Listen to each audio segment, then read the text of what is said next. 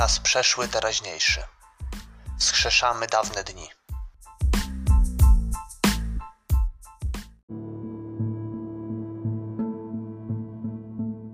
Stoicki styl życia z Markiem Aureliuszem.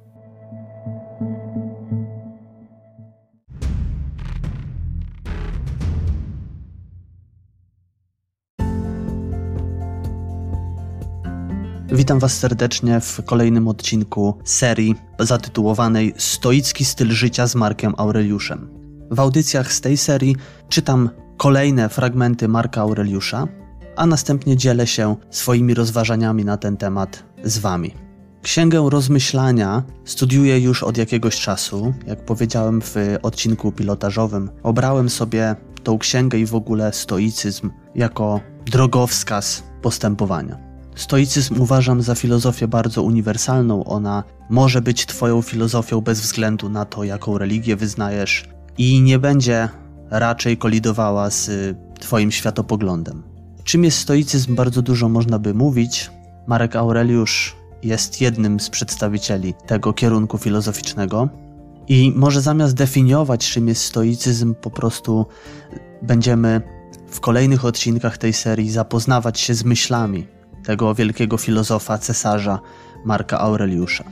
Mówiłem już na temat księgi pierwszej, która stanowi jakby podziękowania, jakie cesarz Marek Aureliusz składa wobec ludzi, którzy mieli wielki wkład w jego życie, którym zawdzięcza swój charakter i swoją osobowość. W pierwszej księdze dziękuje on swojemu dziadkowi, ojcu, matce, pradziadowi, swojemu wychowawcy, swoim przyjaciołom, ludziom, z którymi stykał się w swoim życiu, swojemu bratu, również Bogom.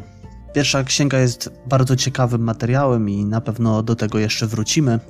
Natomiast chciałbym już zacząć omawiać drugą księgę i następne, ze względu na to, abyście jak najszybciej mogli zapoznać się z filozofią Marka Aureliusza i z tym, w jaki sposób ona pomaga mi w moim osobistym życiu, w codziennym postępowaniu. Zacytuję pierwszy ustęp tej drugiej księgi. Zaczynając dzień, powiedz sobie: Zetknę się z ludźmi natrętnymi, niewdzięcznymi, zuchwałymi, podstępnymi, złośliwymi, niespołecznymi. Wszystkie te wady powstały u nich z powodu braku rozeznania złego i dobrego. Mnie zaś, którym zbadał naturę dobra, że jest piękne, i zła, że jest brzydkie, i naturę człowieka grzeszącego, że jest mi pokrewnym, nie dlatego, że ma w sobie krew i pochodzenie to samo, ale że ma i rozsądek, i boski pierwiastek, nikt nie może wyrządzić nic złego. Nikt mnie bowiem nie uwikła w brzydotę. Nie mogę też czuć gniewu wobec krewnego ani go nienawidzić. Zrodziliśmy się bowiem do wspólnej pracy, tak jak nogi, jak ręce, jak brwi, jak rzędy zębów górnych i dolnych. Wzajemne więc szkodzenie sobie jest przeciwne naturze. Wzajemnym zaś szkodzeniem jest uczucie gniewu i nienawiści. Koniec cytatu. Lubię zaczynać dzień przypominając sobie to, o czym Marek Aureliusz tutaj mówi, a mianowicie przypominać sobie, że zetknę się z ludźmi, którzy niekoniecznie będą wobec mnie życzliwi, z ludźmi natrętnymi, niewdzięcznymi, zuchwałymi, podstępnymi, złośliwymi i niespołecznymi, jak tutaj wymienia Marek Aureliusz. Ktoś sobie pomyśli, że jest to takie pesymistyczne podejście. Bynajmniej. Księga zatytułowana Rozważania Marka Aureliusza jest księgą, w której znajduje się kilka takich myśli pozornie sprzecznych ze sobą. Mówię to dlatego, że Marek Aureliusz generalnie zachęca do optymizmu, do pogodnego patrzenia w przyszłość, ale nie możemy w ten sposób rzeczywistości zakłamywać. Ten optymizm nie może zakłamywać tego, co widzą nasze oczy i słyszą nasze uszy. A mianowicie tego, że codziennie spotykamy masę różnych ludzi. I jeżeli odpowiednio się nie nastawimy w ciągu dnia, to czeka nas rozczarowanie. Jeżeli będziemy myśleć o tym, że spotkamy się z samym dobrem, będziemy oczekiwać tylko miłych uśmiechów, życzliwości, poklepywania się po plecach i ogólnej dobrej atmosfery, to będziemy zawiedzeni. Źródłem rozczarowań zawsze są oczekiwania. im bardziej wygórowane mamy oczekiwania, tym bardziej jesteśmy sfrustrowani. I Marek Aureliusz tutaj mówi, aby zauważyć ten prosty fakt, po prostu zaczynając dzień, powiedzieć sobie: Zetknę się z ludźmi złymi, nie takimi, jakimi ich bym chciał. I co mówi nam dalej? Mówi, że wie, że wszystkie te wady powstały u tych ludzi z powodu braku rozeznania złego i dobrego. Jako stoik stał na stanowisku, które po raz pierwszy pojawiło się u Sokratesa, że człowiek jest zły z powodu braku poznania, z powodu braku zrozumienia swojego stanu. Jest zły dlatego, że nie rozumie, nie rozeznaje złego i dobrego. I Marek Aureliusz kontynuuje: Mnie zaś, którym zbadał naturę dobra, że jest piękne, i zła, że jest brzydkie, i naturę człowieka grzeszącego, że jest mi pokrewnym, nikt nie może wyrządzić nic złego, nikt bowiem nie uwikła mnie w brzydotę. Jakże prosta i cenna myśl. Przy okazji powiem, że tą księgę można przeczytać bardzo szybko i niewiele z niej zrozumieć. Można też przeczytać wolno, wyciągając z niej głębie treści. A ja zachęcałbym do tego, aby tej księgi nie czytać, lecz żeby ją studiować, czyli pochylić się nad każdą myślą i przerabiać w głowie, szukając jej prawdziwego znaczenia. Marek Aureliusz wniknął, zbadał naturę dobra i zła. Ocenił dobro, że jest piękne, a zło, że jest brzydkie. Przyjrzał się temu bardzo dokładnie. Rozumiem to tak, że zachwycił się pięknem dobra i skrzywił się na myśl o brzydocie zła. Kiedy roztrząsamy wszystkie sprawy, widzimy, że zło jest brzydkie. A nikt z nas, a jesteśmy przecież egoistami, nie chce być brzydki. Więc jeżeli naprawdę przyjrzymy się złu, nie będziemy unikać myśli o nim, wręcz postaramy się zobaczyć go w całej okazałości, to zobaczymy, że zło jest brzydkie. I tak jak Marek Aureliusz uważał, jeżeli to zobaczymy, jeżeli zobaczymy brzydotę zła, to to będzie motorem naszych działań, by tego zła unikać. Jeżeli zobaczymy piękno dobra, to będzie to nas inspirowało do tego, aby poszukiwać dobra i samemu być dobrym. Marek Aureliusz wykazuje tutaj wyrozumiałość wobec ludzi, ponieważ on wie, że oni tak postępują, dlatego że są ignorantami, że nie rozumieją. Jest to rodzaj choroby, ignorancja. Jeszcze będziemy o tym mówić, ale przychodzi mi na myśl pewien przykład. Nie gniewamy się na człowieka dlatego, że jest chory. Nie gniewamy się na niego dlatego, że nie ma ręki lub nogi.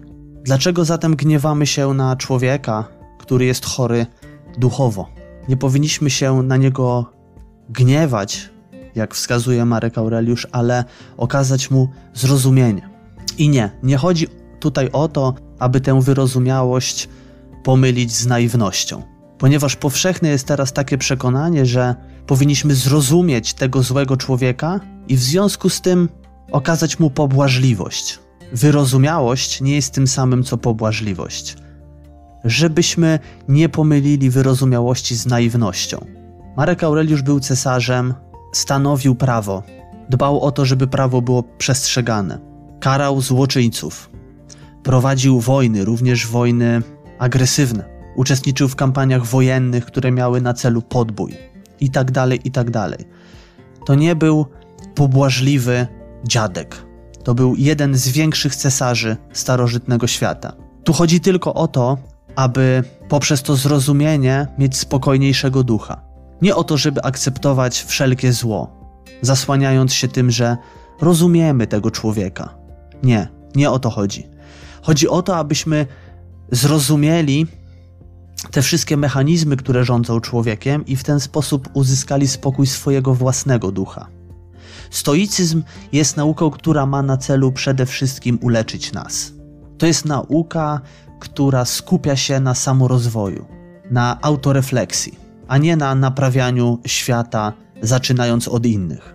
Marek Aureliusz chce przez to również powiedzieć, że jeżeli chcemy, aby drugi człowiek stawał się lepszy, musimy również jemu pokazać piękno dobra i brzydotę zła. Tak, aby mógł zobaczyć samego siebie jak w lustrze i poczuć odrazę do swoich złych czynów. I mówi, że w tym świecie pełnym niewdzięcznych, zuchwałych, podstępnych, złośliwych ludzi nikt nie może wyrządzić mu krzywdy. Dlaczego? Ponieważ nikt nie uwikła go w brzydotę. Spotykają nas różne rzeczy, do nas należy w jaki sposób na nie zareagujemy. Czy okażemy silny charakter, czy okażemy się słabi? Czy damy się wyprowadzić z równowagi, czy zachowamy spokój? Czy będziemy odpowiadać na zaczepki, czy nie? W jaki sposób będziemy rozwiązywać nasze konflikty? Czy będziemy asertywni, czy nie? Czy będziemy rozważni, czy łatwowierni?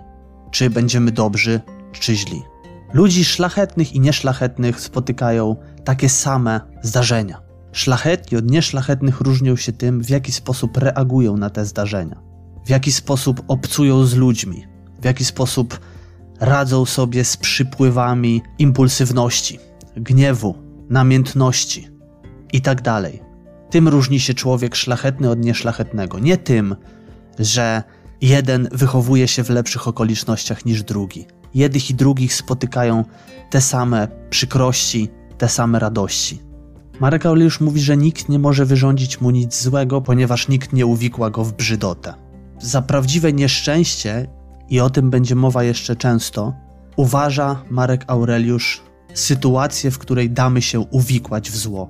Bo nie mamy wpływu na zewnętrzne wydarzenia, wielu z tych wydarzeń w ogóle nie możemy kontrolować, natomiast mamy wpływ na to, co dzieje się w naszym wnętrzu. Jest to jeden z filarów nauki stoickiej. Podzielenie zdarzeń na takie, które są od nas zależne i takie, które są od nas niezależne. Będziemy jeszcze o tym mówić. Prawdziwym nieszczęściem, powtórzę, jest to, kiedy damy się uwikłać w zło. Kiedy zareagujemy nie tak, jak podpowiada nam rozum. I jeszcze na koniec ważna nauka, uważam, a mianowicie nauka o szacunku dla drugiego człowieka. Mamy tutaj taki obraz społeczeństwa jako ciała, które ma nogi, ręce, brwi, rzędy zębów górnych i dolnych. I wiemy, że każda część ciała spełnia inną funkcję. I nie możemy powiedzieć, że jedna funkcja jest ważniejsza, a druga mniej ważna.